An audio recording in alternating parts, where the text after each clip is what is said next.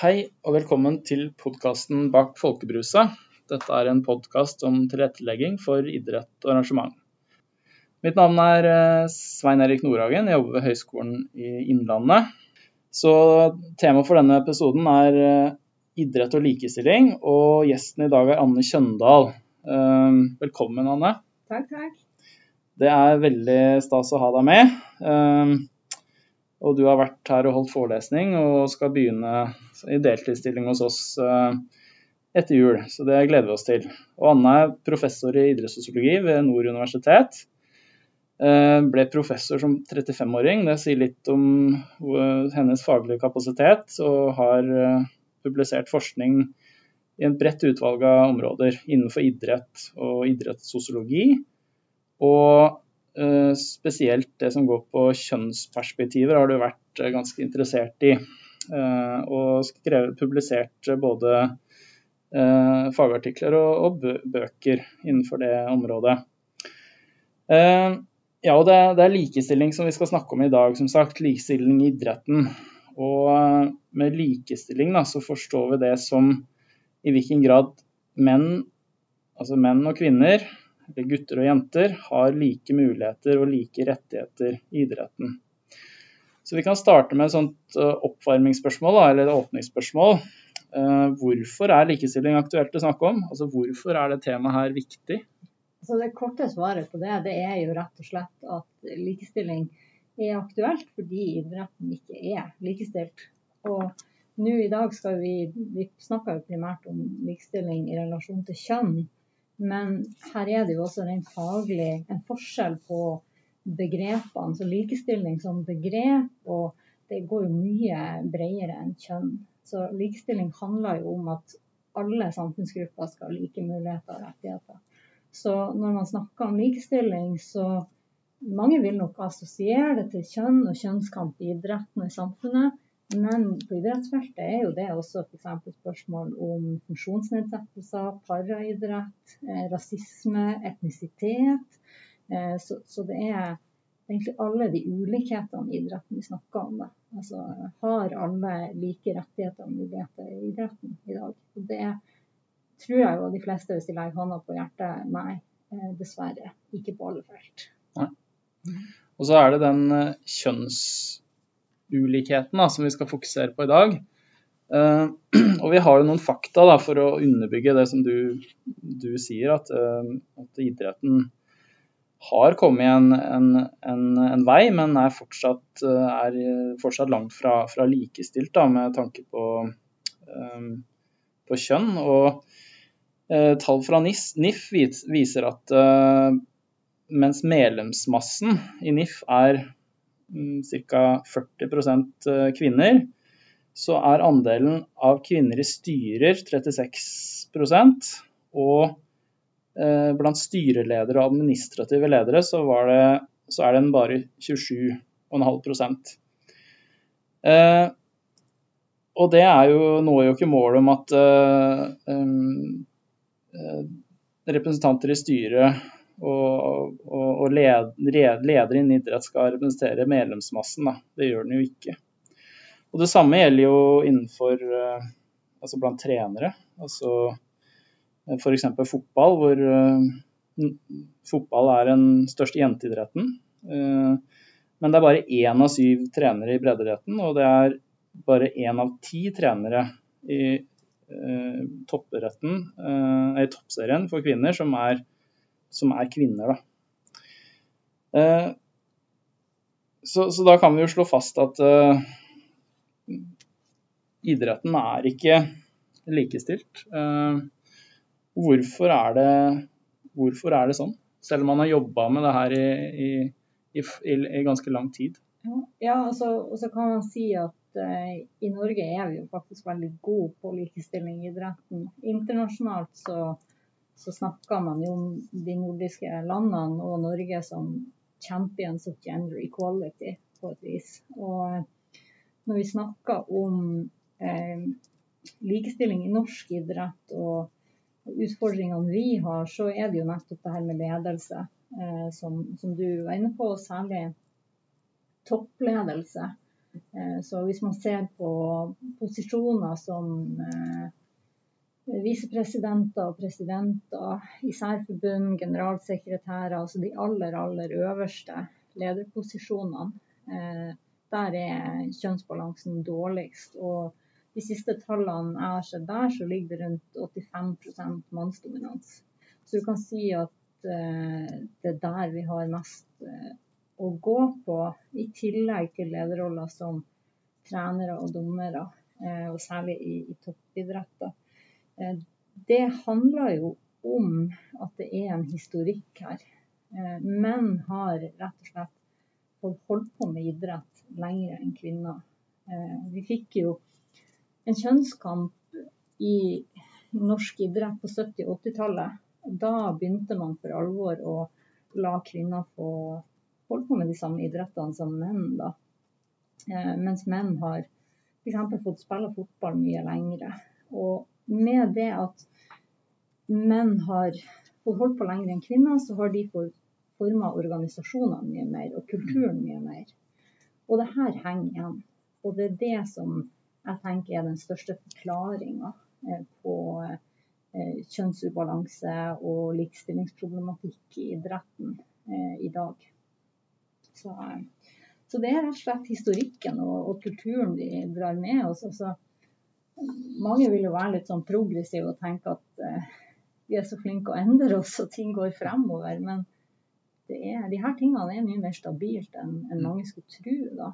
Mm. Uh, og hvis vi snakker om ledelse og likestilling, så, så må vi jo snakke om kvotering. Mm. Uh, som er et, et, grep vi har gjort mye av i Norge.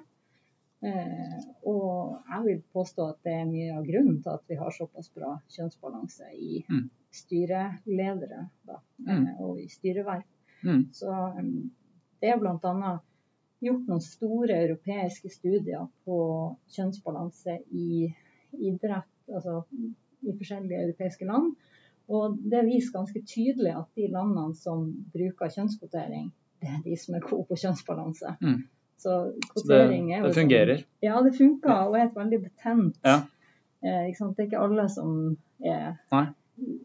fan av kvotering, da, for å si det sånn. Men dessverre så eh, historisk viste det seg at det, det er mm. faktisk det som funker. Ja. ja. vi, skal litt inn på hva som tiltak og strategier. Eh, men vi, vi, kan jo eh, holde litt på, på, på historikken. Altså, mm.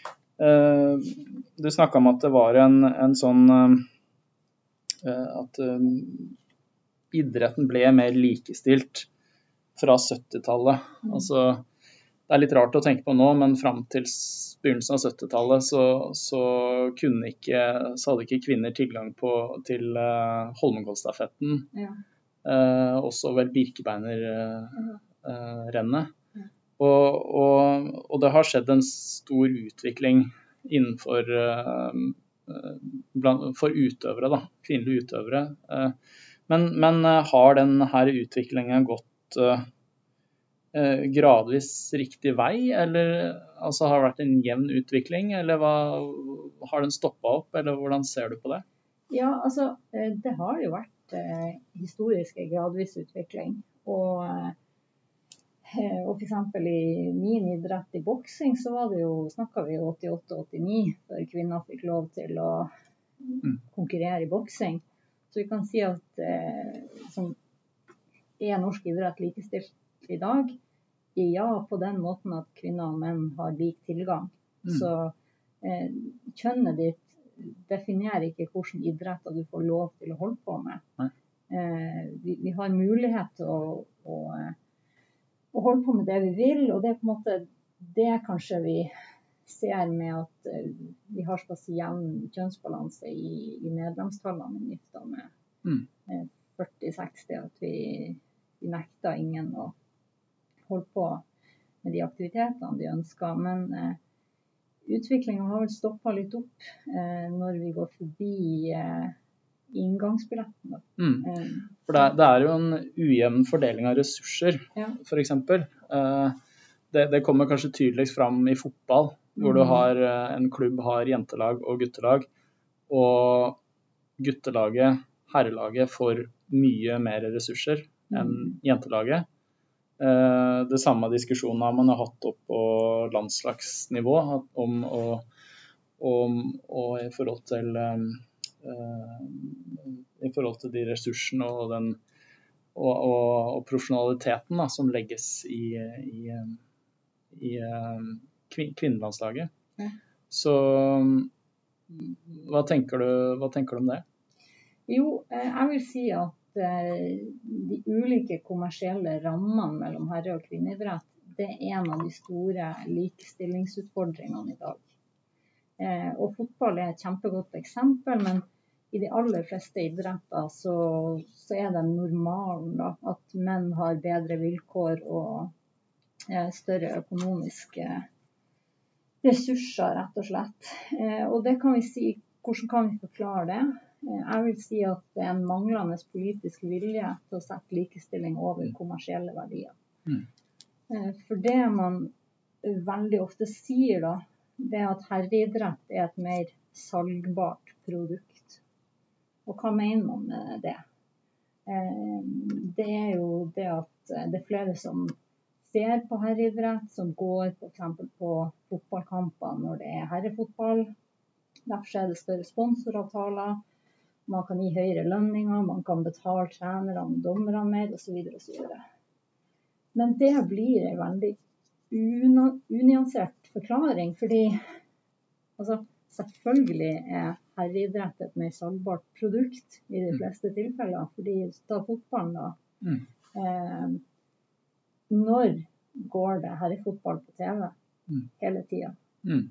Når går det kvinnefotball på TV? Mm. Av og til. Hvordan klokkeslett går det herrefotball? Mm. Det er på kveldstid i helgene når folk har fri. Hva med kvinnefotball? Det er kanskje lørdag klokka tre. Mm. Kameraproduksjon. Du har kanskje ett eller to kamera på en kvinnekamp. Mm. Stor, massiv flerkameraproduksjon på herrekamper. Mm ekspertkommentatorer. Mm. Selvfølgelig er da herrefotball et mer salgbart produkt, mm. fordi riggen rundt det bygges sånn. Mm. Og det er en ting som jeg syns veldig ofte blir oversett i denne diskusjonen om økonomi og eh, herre- og kvinneidrett. Fordi jeg er veldig opptatt av at det er ikke noen naturlov Altså det er ikke det, det, det er ikke naturgitt at herreidrett skal ha eh, mer kommersiell verdi enn kvinneidrett. Det er sosialt skapt. Så det mm. går an å endre på politisk. Eh, hvis man hadde ønska det. Mm. Ja. Men der ligger det, der ligger det jo på en måte eh, Der er det jo noen sentrale føringer. og, og Eh, og, og de nasjonale forbundene de, de, noen, og noen internasjonale forbund har jo innført uh, uh, mer likestilling enn andre. Altså, uh, I fotball så er det vel sånn at bo, altså herrelandslaget og kvinnelandslaget får den, den samme bonusen. Mm. men det er på landslagsnivå. Nede i klubbene så er det er det klubbene som bestemmer, og der gjøres det mye ulikt. Uh, og, og, i tennis så er det jo sånn at kvinner og menn har de samme premiepengene. Så, så det er jo på en måte en, en, noen idretter, Innenfor noen idretter så, så er det jo en, positiv, positiv, utvikling også, men, men mange idretter henger igjen. Ja. Absolutt. Og vi kan si at sånn, i et sånn historisk perspektiv så utviklinga er jo positiv. Og den går jo rette veien. Eh, og noen idretter har kommet eh, lenger enn andre, så, så, det er ikke det. Det er bare det er mer det at i dag i, i det offentlige ordskiftet og i debattene, så syns jeg ofte at økonomi brukes som et argument for å legitimere mm. kjønnsforskjell. Mm eh, altså i hva kvinnelige og, og mannlige utøvere tjener, hva kvinnelige og mannlige trenere og dommere tjener. Eh, og jeg er litt opptatt av å liksom pirke litt i det, da, at det er, det er faktisk ikke så enkelt. Ja. Og Men, og da, da, er vi inne på liksom, underholdningsproduktet da, og mm. verdien av det. Uh, den studien som, uh, som, kom nå, som viste at uh, når, når, man man, man lot noen se fotballkamper, kvinnekamper, herrekamper, hvor man gjorde sendinga såpass diffus at du kunne ikke se om det var herrespillere dam, damespillere, mm. da, um, da uh, evaluerte man nivået ganske likt. Mm. Mens når man så herrekamper og kvinnekamper, så var, uh, evaluerte man nivået ganske forskjellig. Så, ja. så, det, så det, er ikke noe, det er ikke noe tvil om at det ligger noen fordommer der. Uh, og, og, det er jo men, men, hvordan kan man gjøre, gjøre kvinneidrett mer attraktivt, da? Altså, hva, har du noen forslag til det? Altså, altså Hvordan kan du gjøre underholdningsproduktet det, uh, det, det, er jo, det, er jo, strukturelt og politisk. for Det er mm. bare å legge de ressursene altså, som man mm. legger i herreidrett, i kvinneidrett. Um, og, og, jeg kan si det er kanskje litt provoserende for noen, men uh, det, det handler jo om riggen rundt. Det er jo det som gjør det til et bedre underholdningsprodukt. Mm. Eh, så ser man jo også, eh, og det er jo liksom interessant i studiene der, at når du ikke ser kjønn, så, så evaluerer man det likt. Eh, men det er jo òg en del forskning på, på publikum. Mm. F.eks.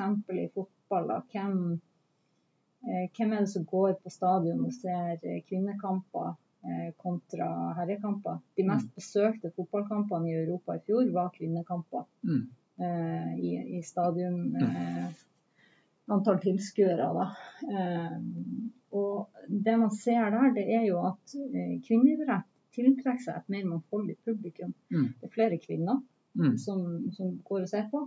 Det er også flere familier. Mm. og så er det mange teorier og, tanker om det. men en av de er jo på en måte at, eh, at det er en annen supporterkultur og stemning. Mm. Eh, fordi at fotball er kanskje et godt eksempel på det. At de her maskuline normene for supporterkultur påvirker opplevelsen av å være på stadion. Mm.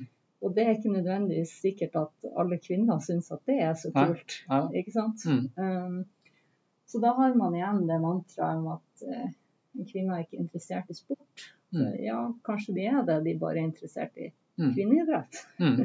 og det er ikke så lett å se på TV. Ja. Men, men uh, vi kunne snakke litt om boksing, da. Mm. Hvordan utviklinga i boksing er. For den har jo du fulgt ganske tett. Ja, du har jo drevet med boksing siden ungdommen, barndommen, ja, og norgesmester i boksing. Og har sikkert kjent på noen av de der fordommene. Uh, Absolutt. Altså, jeg pleier alltid å si at eh, jeg var bokser før jeg ble forsker. Og mm. jeg tror boksinga er hele grunnen til at jeg ble interessert i kjønnsspørsmål mm. Eh, i idretten som forsker. Eh, fordi når jeg var yngre og begynte å bokse, så var det veldig ofte sånn Å ja, boksing. Du ser mm. ikke ut som en bokser. Og så tenkte jeg OK, ja, hvordan ser en bokser ut? Mm. Eh, det er noe der. Eller eh, nei, du, du har, liksom, du har tynne håndledd til å være mm. bokser, du kan umulig slå hardt. Mm. Sånn, er det håndleddene, er det det som, det er det som du lager slagkraft med? Ja vel. Mm. Eller du ser ikke lesbisk ut. Ja. Um, så, så, så, det er klart uh, Både det sånn som min opplevelse da å være jente i en mannsdominert idrett, da tror jeg du ser kjønn på en annen måte mm. enn det menn i boksing gjør. Ja. Eh, og så kan du snu på det og si gutter i kvinnedominerte idretter. Mm. Eh, de har sikkert også en annen måte å se kjønn på. Ja.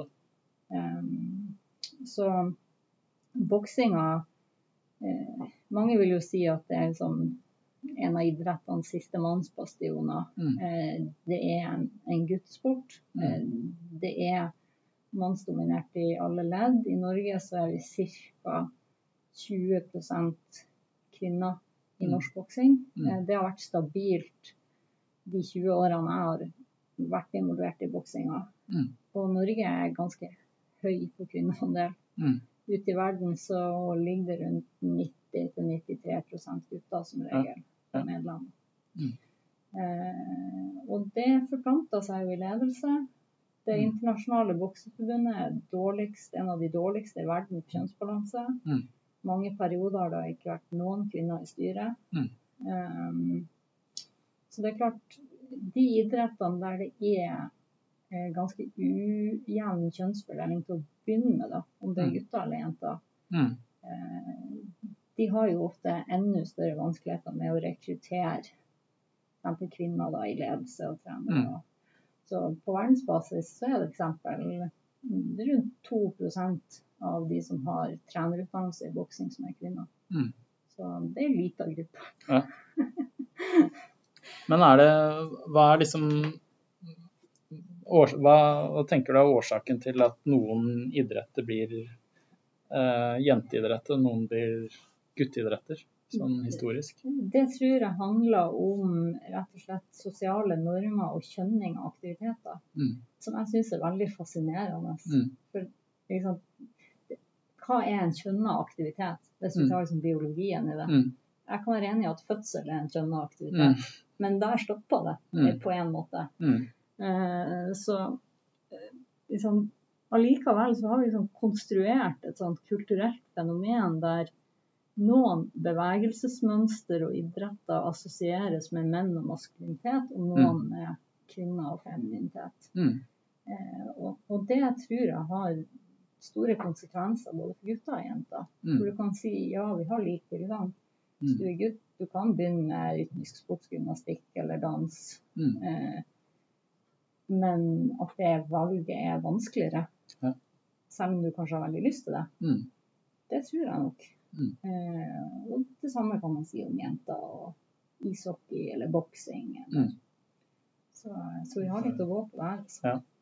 At det er en slags sosial konstruksjon eh, som er historisk betinga Mm.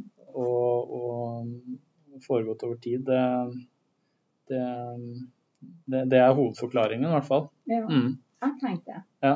Eh, For eh, jeg er sikker på at de aller, aller fleste, hvis du spør dem, bør gutter og jenter få holdt med den idretten de vil, Mm. så vil jo de aller fleste vil si ja. Ja. Og det er jo sånn Man kan jo sånn tenke seg at ok, det er, det er eh, at en fysisk idrett er mer tilrettelagt for gutter, da. Mm. Men så har du håndball, som kanskje er det mest fysisk Ja. eh, krevende og, eh, og kontaktidrett, lagidretten eh, som finnes. Ja. Den, det er jo tradisjonelt sett en kvinneidrett, ja, ja. eh, som faktisk er eh, Hvor kvinnelandslaget er mer populær enn herrelandslaget. Så det er jo litt interessant, da. Ja, det er det. Og, eh, og det er liksom eh, utrolig artig hvor, hvor synlig sånn kjønns, eh, kjønnsnormer blir i idretten, Mm. nettopp fordi det handler om kropp. Mm. Eh, men det er jo Altså alle de her stereotypiene om kjønn, de er jo skadelige både for gutter og jenter. på Det at Mm. det er jo en sånn overordna fortelling om at gutter er liksom de er mer aggressive og større og sterkere, og, men er veldig dårlige på emosjoner og omsorg. Mm. Det, det er jo en sånn typisk eh, fortelling om trenere, f.eks. Mm. At eh, kvinnelige trenere Det er fint å ha det med på laget, for de har en annen type ledelse. Mm. De er flinke på relasjoner. Mm. Og det du sier underbevisst da, det er jo Mm. at hvis du er kvinne, så skal du Ja. lede på en bestemt måte. Ja. Og hvis du som mann Mm. er god på relasjoner, Ja. så er liksom det Bryter man med forventningene. Mm. Så det er eh, Det er utrolig eh, utrolig mange situasjoner hvor det her kommer til uttrykk av idretten. Mm. Og, det handler nok om at idretten liksom, Kropp er så sentralt Mm. i, i alle idretter. Ja. Og der er det jo, er det også sånn at uh, uh, i tradisjonelt maskuline idretter som, uh, hvor man krever en viss fysikk, da, Mm. så er det vel vanskelig for, for en kvinne å være god i den idretten og samtidig være feminin, fe, fe, feminin, Mm. at det blir en sånn slags motsetning. Har, har du kjent på det i, i boksing, eller? Ja, det, det er jo en dikotomi der. Mm. Altså, man, tradisjonelt, historisk og, og fortsatt så har vi en tendens til å tenke på maskulinitet og femininitet som en dikotomi. Altså Mm. en ting, en aktivitet, en oppførsel Mm. eh, er, enten maskulin eller feminin. Mm. Og hvis den er feminin, så er Mm. den per definisjon ikke maskulin. Mm. Eh, og det, eh, det er klart bare det å, å holde på med boksing, da, så bryter jo med det. Mm. For det, da, må det være, da må du på en måte forklares. OK, er, er du lesbisk? Er, er det derfor? Mm. Altså, er, hva er det med deg? Du har opplevd å bli spurt om det Mange ganger. mange ganger? Ja, mange Mm. ganger. I miljøet, eller, for, eller Både in, i miljøet Ja. og utafor. Eh, og, og selvfølgelig, jeg kan si færre, færre og færre spørsmål med årene, men Mm. eh, jeg har opplevd mange ganger at folk leter etter forklaringsvariabler. Okay. Um, fordi at det, det Jeg tror folk tenker at det er et rart valg. mm. Mm. Fordi det ikke er så mange som gjør det. Ja. ja. Mm. Eh, Eller mange kvinner som driver med boksing. Og, ja, ja. Nei, men det, det er interessant. Men det har skjedd en utvikling der, eh, Absolutt. også i, innenfor boksing. Eh, Vi har jo hatt en, en kvinnelig verdensmester som har kanskje betydd mye for, mm, for uh, kvinneboksing da, i Norge. Ja. Uh, men kanskje også internasjonalt. Ja. Jeg vil si uh, Cecilia Vrekkjus har uh, altså, Det er jo ikke blitt flere jenter som bokser, det har det ikke. Nei. Det er ikke så enkelt. Eh, men eh, hun har betydd mye for mer sånn samfunnets syn på boksing og kjønn, og at det er også en, en jentesport. da. Og jeg tror òg hun har betydd, mye mer sånn litt utafor kjønn, da, men for omdømmet til boksinga. Mm. For der har vi igjen en sånn kjønna stereotypi. Eh, hvem er boksing en idrett for? Det er primært menn, men det er også menn med lav utdanning som ikke er spesielt smart. Mm. Det er liksom stereotypien Mm. hvem som holder på med ja. boksing. Ja. Eh, så, så det er klart hun utfordrer dem, ikke bare med kjønn, men også på at hun på mange måter er en entreprenør og en leder og på en måte liksom alltid fremstår som veldig Mm. eh, profesjonell, da. Mm. Eh, som jeg tenker òg har vært viktig. Ja. Eh, Mm. Men eh, vi kan jo dra det her litt videre, da. Skal vi se hvis vi eh, Hvis vi ser litt mer på OK, vi har kommet et stykke, mm. men vi er langt unna målet om likestilling i idrett. Eh, hva er det man kan gjøre for å få en mer likestilt idrett, da? Altså for å få uh, utligna kjønnsubalansen blant eh, lederidretten. eh, og blant, uh, blant treneridretten, f.eks. Ja, altså, jeg tenker det er viktig å si først her at målet er jo ikke, ikke sant? Det er jo ikke et mål i seg sjøl at det skal være 50-50 i alle idretter og i alle styreverv og, og sånn. Men det er jo det her litt mer sånn vanskelige spørsmålet er det virkelig like muligheter og like rettigheter. Mm. Det er jo det vi må jobbe og pirke i. Mm. Og jeg eh, personlig da, så er jeg veldig opptatt av det politiske og det strukturelle. Mm. Eh, og jeg syns liksom kvotering er det beste eksempelet på det.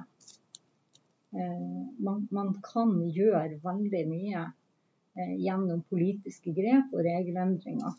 Mm. Eh, men selvfølgelig, da må man også sanksjonere hvis de brytes. Hvis Mm. ikke så har det ingen effekt. Mm. Og hvis vi tar liksom litt sånn Ja. Si, si litt om hva, hva kvotering betyr i praksis, uh, f.eks. I, i, i idrettsorganisasjoner. da. Det betyr jo at du skal ha eh, minimum x antall representanter fra det underrepresenterte kjønn, da, Mm. det litt enkelt. Så eh, du får liksom ikke, du får ikke godkjent et styre med bare menn eller ei kvinne. Det skal være eh, eh, en minimumsprosentandel av representasjon. Eh, og, og, det skal sikre medbestemmelse. Da. Mm. Så jeg, jeg, pleier alltid å, å si liksom at um, det er veldig viktig med, med mangfold i, i styrer og, og, i politisk ledelse, fordi eller i hvert fall jeg blir veldig skeptisk hvis det ikke er noen representanter for den gruppa du skal lage en politikk for, som er mm. til stede. Mm. Sånn typisk integrering i idrett. Minoritetsjenter. Mm. Eh, skal du designe tiltak eller en policy for det, eh, så må, bør du ha med mange minoritetsjenter i, de, mm. i, i utarbeidelsen av det. Mm. Eh, så det er jo liksom Kvoteringa skal jo sikre et mangfold av perspektiver. Mm. Eh, og gjennom å gjøre det, så designer vi jo idrettsorganisasjoner og aktiviteter som tar hensyn til flere perspektiv. Mm. Og, og, det er uh, i hvert fall et, uh, Det man oppnår, er å sikre et minimum av representasjon. Og det er, det er jo et, et, mål i NIF at representasjonen i styret skal gjenspeile medlemsmassen. Da. Og, og da, det kan jo være kjønn, eller det kan være etnisitet, eller osv. Ja. Uh, og, og i idrettslag så skal det være liksom minimum to personer av hvert kjønn. Uh, og i uh, høyere Altså i på kretsnivå og forbundsnivå så skal det være minimum 40% av hvert kjønn. Da. Og da sikrer man jo en en minimum av representasjon. Uh, og så er det jo sånn at uh, det er en god del idrettslag hvor det er to kvinner og resten menn. Uh, og jeg har jo sittet som i valgkomité både i klubb og i idrettskrets og kjent litt på det, spesielt i klubb, egentlig. På hvor krevende det er å, å, å fylle de to plassene. Og og, og man må være liksom, varsom hvordan man uh, tar initiativ. Altså, vi vil ha deg fordi, fordi det du kan, ikke ja. fordi du er kvinne. ja. Og det er det veldig viktig å, å, å liksom, få fram, da. Ja. Ikke sant? Så, så men, eh, men men, så du mener at det, det et, var et viktig tiltak? Ja, og mm. vi, vi, ser jo nå at kvotering brukes også bredere for å sikre likestilling. Det nyeste mm. er jo det her kravene om, om alder. At du mm. skal ha styremedlemmer under 26 år. Ja. Kjempeviktig. Mm. Eh, for det handler jo om å gjenspeile medlemsmassen. Mm. Eh, det kan ikke sitte en gjeng med folk over Nei. 40 år og bestemme hvordan ungdomsidretten skal se mm. ut. Det, ja. det blir helt feil. Um, så det er veldig positive eh, generelt med idrettspolitikk i Norge det er jo at vi har fått et mye større fokus på mangfold og interseksjonalitet. Mm. Altså, kjønn er viktig, mm. men det er ikke bare kjønn. Nei. Eh, det er etnisitet, mm. Eh, det er alder, det er religion, det er masse mm. ting. Ja. Så, så, mangfold er krevende. Ja, ja. ja da. Og det, er, og det, er, jo I den ideelle verden så, så vil man jo så ville ikke det kvotering vært nødvendig, kanskje. Men, men, sånn det er nå, så er det nødvendig for å sikre en, en, en, en minimum da, av, av, representasjon. Uh, også, men uh, kanskje ikke bare i uh, En viktig del av det her er jo faktisk hvem som sitter i valgkomiteer også.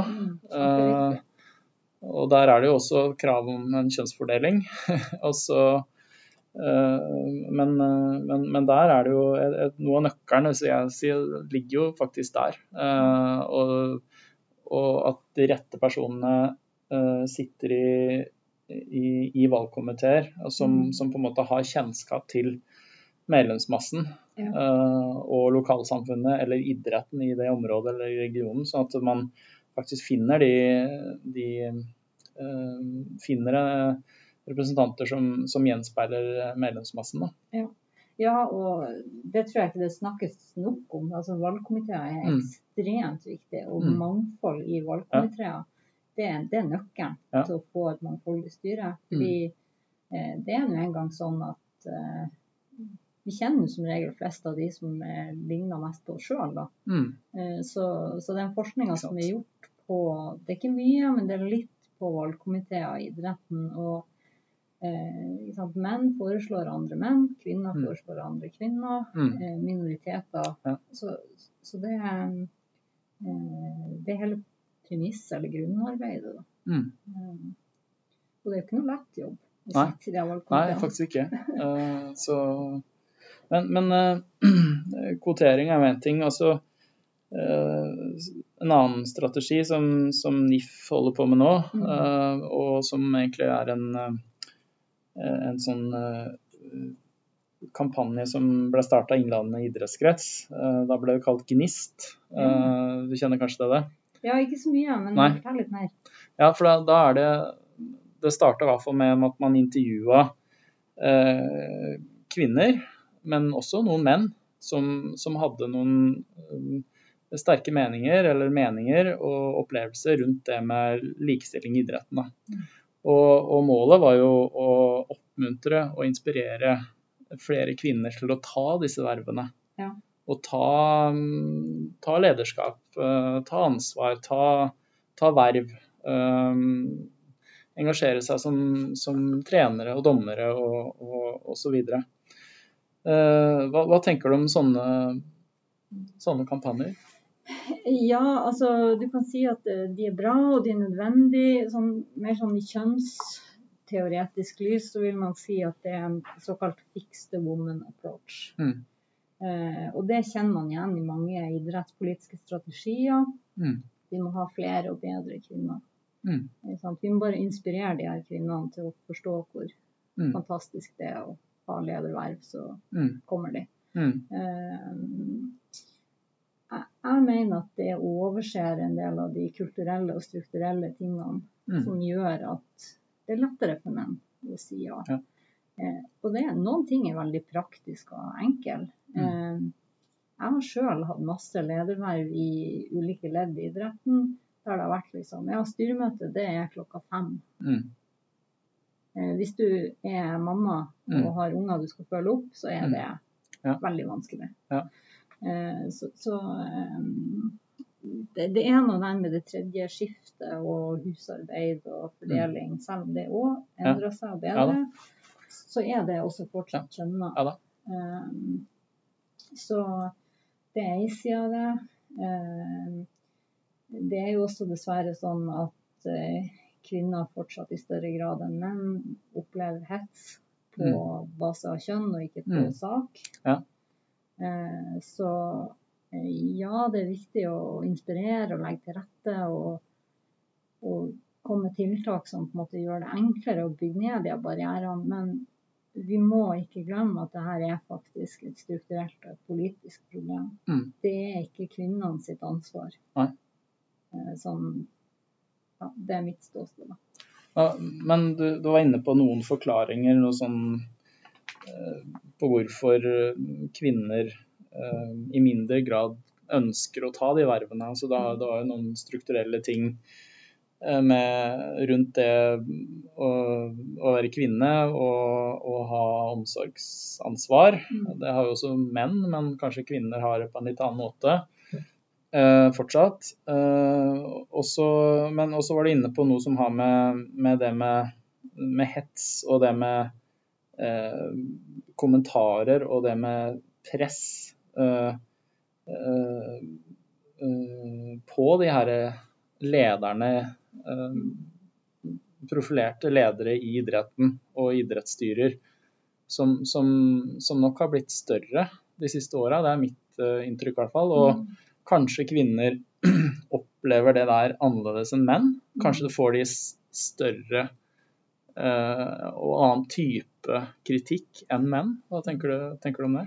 Ja, altså all forskning, sånn kjønnsforskning i idretten vi har om de her tingene, viser jo det. Mm. Eh, altså Kvinner og menn får selvfølgelig begge kritikk når de sitter i lederroller, og det, Mm. det er jo en del av å være leder og, og sånn. Men eh, kritikken kvinner får, er annerledes ofte. da. Mm. Det går mer på person og på kjønn. Eh, mens eh, mannlige ledere er det i større grad sak. Mm. Og det er klart det er to litt ulike ting. Mm. Å, få høre at eh, nei, du tar feil i denne saken, og Mm. du er inkompetent Mm. pga. kjønnet ditt. Mm. Um, så, så dessverre så, så er det fortsatt en problemstilling i dag. Det er Mm. litt trist, men Ja. eh, det er det. Og, det at eh, kvinner i lederroller må eh, kanskje adoptere eh, Hva skal vi si Maskuline måter å lede på. Eh, jeg husker Gerd von der Lippe. Hun, hun prata om det her når jeg studerte i Bø for, for eh, 25 år siden. Om hegemonisk maskulinitet og hvordan måte kvinner inntar noen maskuline roller Mhm. for å bli akseptert. eh, og for å få gjennomslag for, for det Ja, for sine saker. Kanskje mer på menns premisser, da. Ja, eh, det er absolutt en strategi eh, som, som mange kvinner, kvinnelige ledere bruker. Eh, og det er litt sånn tvega det der òg, fordi at eh, liksom, du har det her med liksom, kjønna forventninger til ledelse. Mm. Eh, ofte så forventer man at kvinner skal ha en mer demokratisk lederstil enn menn. Mm. Eh, så, så det kan slå litt begge veier. Ja. Hvis du adopterer det Ja da. maskuline, så kan Mm. du fort få liksom slengt i trynet at Mm. eh, du er eh, kald og Ja, bitch og liksom alt det Ja. der. Mm. Så, så det, liksom, det blir en sånn tvangstrøye Mm. for måten du skal lede på, Mm. som egentlig ikke handler om lederstil, men det handler om det kjønnet du har. Mm. Ja. Og da kan man liksom gå feil begge veier. Ja, ja, man, uh, uansett hva, man, hva slags lederstil man, man har, hvis Ja. man er uheldig. da. Ja. det, det, det er litt eh, Det er det her med maskulinitet og femininitet, og, og litt det samme som med kvinnelige utøvere. At du skal liksom prestere like godt som menn, men du skal ikke ha for store muskler. Mm. Du Mm. skal trene like mye, men du skal ha liksom Ja. feminin. Ja. Så det er sånn damn if you do and damn if you don't. Mm. Ja. Ja. Ikke sant? Ja. Nei, det, det er jo krevende. Eh, Men hva, hva, hvordan ser du for deg den videre utviklingen? Er du, er du optimistisk i forhold til eh, likestilling i idretten? Ja, jeg er det. Altså, ting blir bedre og bedre år Mm. for år. Eh, Det er mange problemer og utfordringer som står igjen, men eh, alt tyder på at vi tar likestilling og mangfold mer og mer alvorlig, da, og Mm. gjør større og større strukturelle grep. Mm. Eh, og kanskje det største eksempelet på det i dag er diskusjonene om inkludering av trans og ikke-binære. Ja. Eh, så, så det går stadig fremover. Vi blir Mm. bedre, men det skjer ikke av seg sjøl. Så det er viktig å huske på at det er liksom et kontinuerlig arbeid som Mm. gjøres av oss som er engasjert i idrett. Mm. Hvor, hvor ligger eh, Hvis vi snakker om NIF-organisasjonen, hvor ligger hovedansvaret eh, for å gjøre noe med det her? Altså, man har jo eh, policyer og, og målsetninger eh, fra sentralt hold. Man har noen, eh, eh, noen eh, regler eh, i forhold til kvotering. Eh, hva må til for at man lykkes eh, i å implementere det her, disse målene i, i, i kretser og forbund og klubber? Jeg tror jo hvordan kan vi lykkes, det er jo at alle som har lederverv på alle nivå, tar Mm. det her på alvor. Mm. Altså virkelig tar det her på alvor. Mm. Um, for det, likestilling er på en måte en sånn ting som når du snakker om det, så er alle for. Mm. Uh, og når det kommer ned til å gjøre endringer, som kanskje da ofte krever at f.eks. hvis du har en klubb som har både gutt- og jentelag, at Mm. guttene får litt mindre ressurser for at jentene skal få litt mer, Mm. da blir det clinch. Mm. Um, så det er klart det er jo et spørsmål om ressursfordeling òg, men uh, uh, alle, alle har et ansvar. Alle som har et lederverv i idretten, har et ansvar for de tingene. Mm. tenker jeg. Er det hva, Har du noe råd til, til kvinner, da, som i forhold til eh, I forhold til å eh, Det kan være som utøver, eller det kan være som, som trener, eller det kan være som leder i forhold til eh, hva, hva kan man gjøre for å, for å eh, for å få de posisjonene, for å få um, ta den plassen da, som, som man kanskje har ambisjoner om. Jeg, jeg, eh, råd, ja, hva det skal være. Eh, jeg tror jo det eh, først og fremst er å si ifra og ta til orde når du opplever at ting er urettferdig, og at det er beslutninger som er bare tøv. Mm. Men så kan man jo liksom stille spørsmål med liksom, ja, er det kvinnene sitt ansvar? Eh, personlig så har jeg hatt ekstremt stor nytte av veldig bra verdi i at uh, jeg har hatt mange gode mannlige støttespillere rundt meg. Altså, nå snakker Jeg liksom, jeg er jo visepresident i Norges Bokseforbund i dag. Mm. Uh, og ble valgt inn først som første kvinnelige visepresident i uh, 2019. var det vel.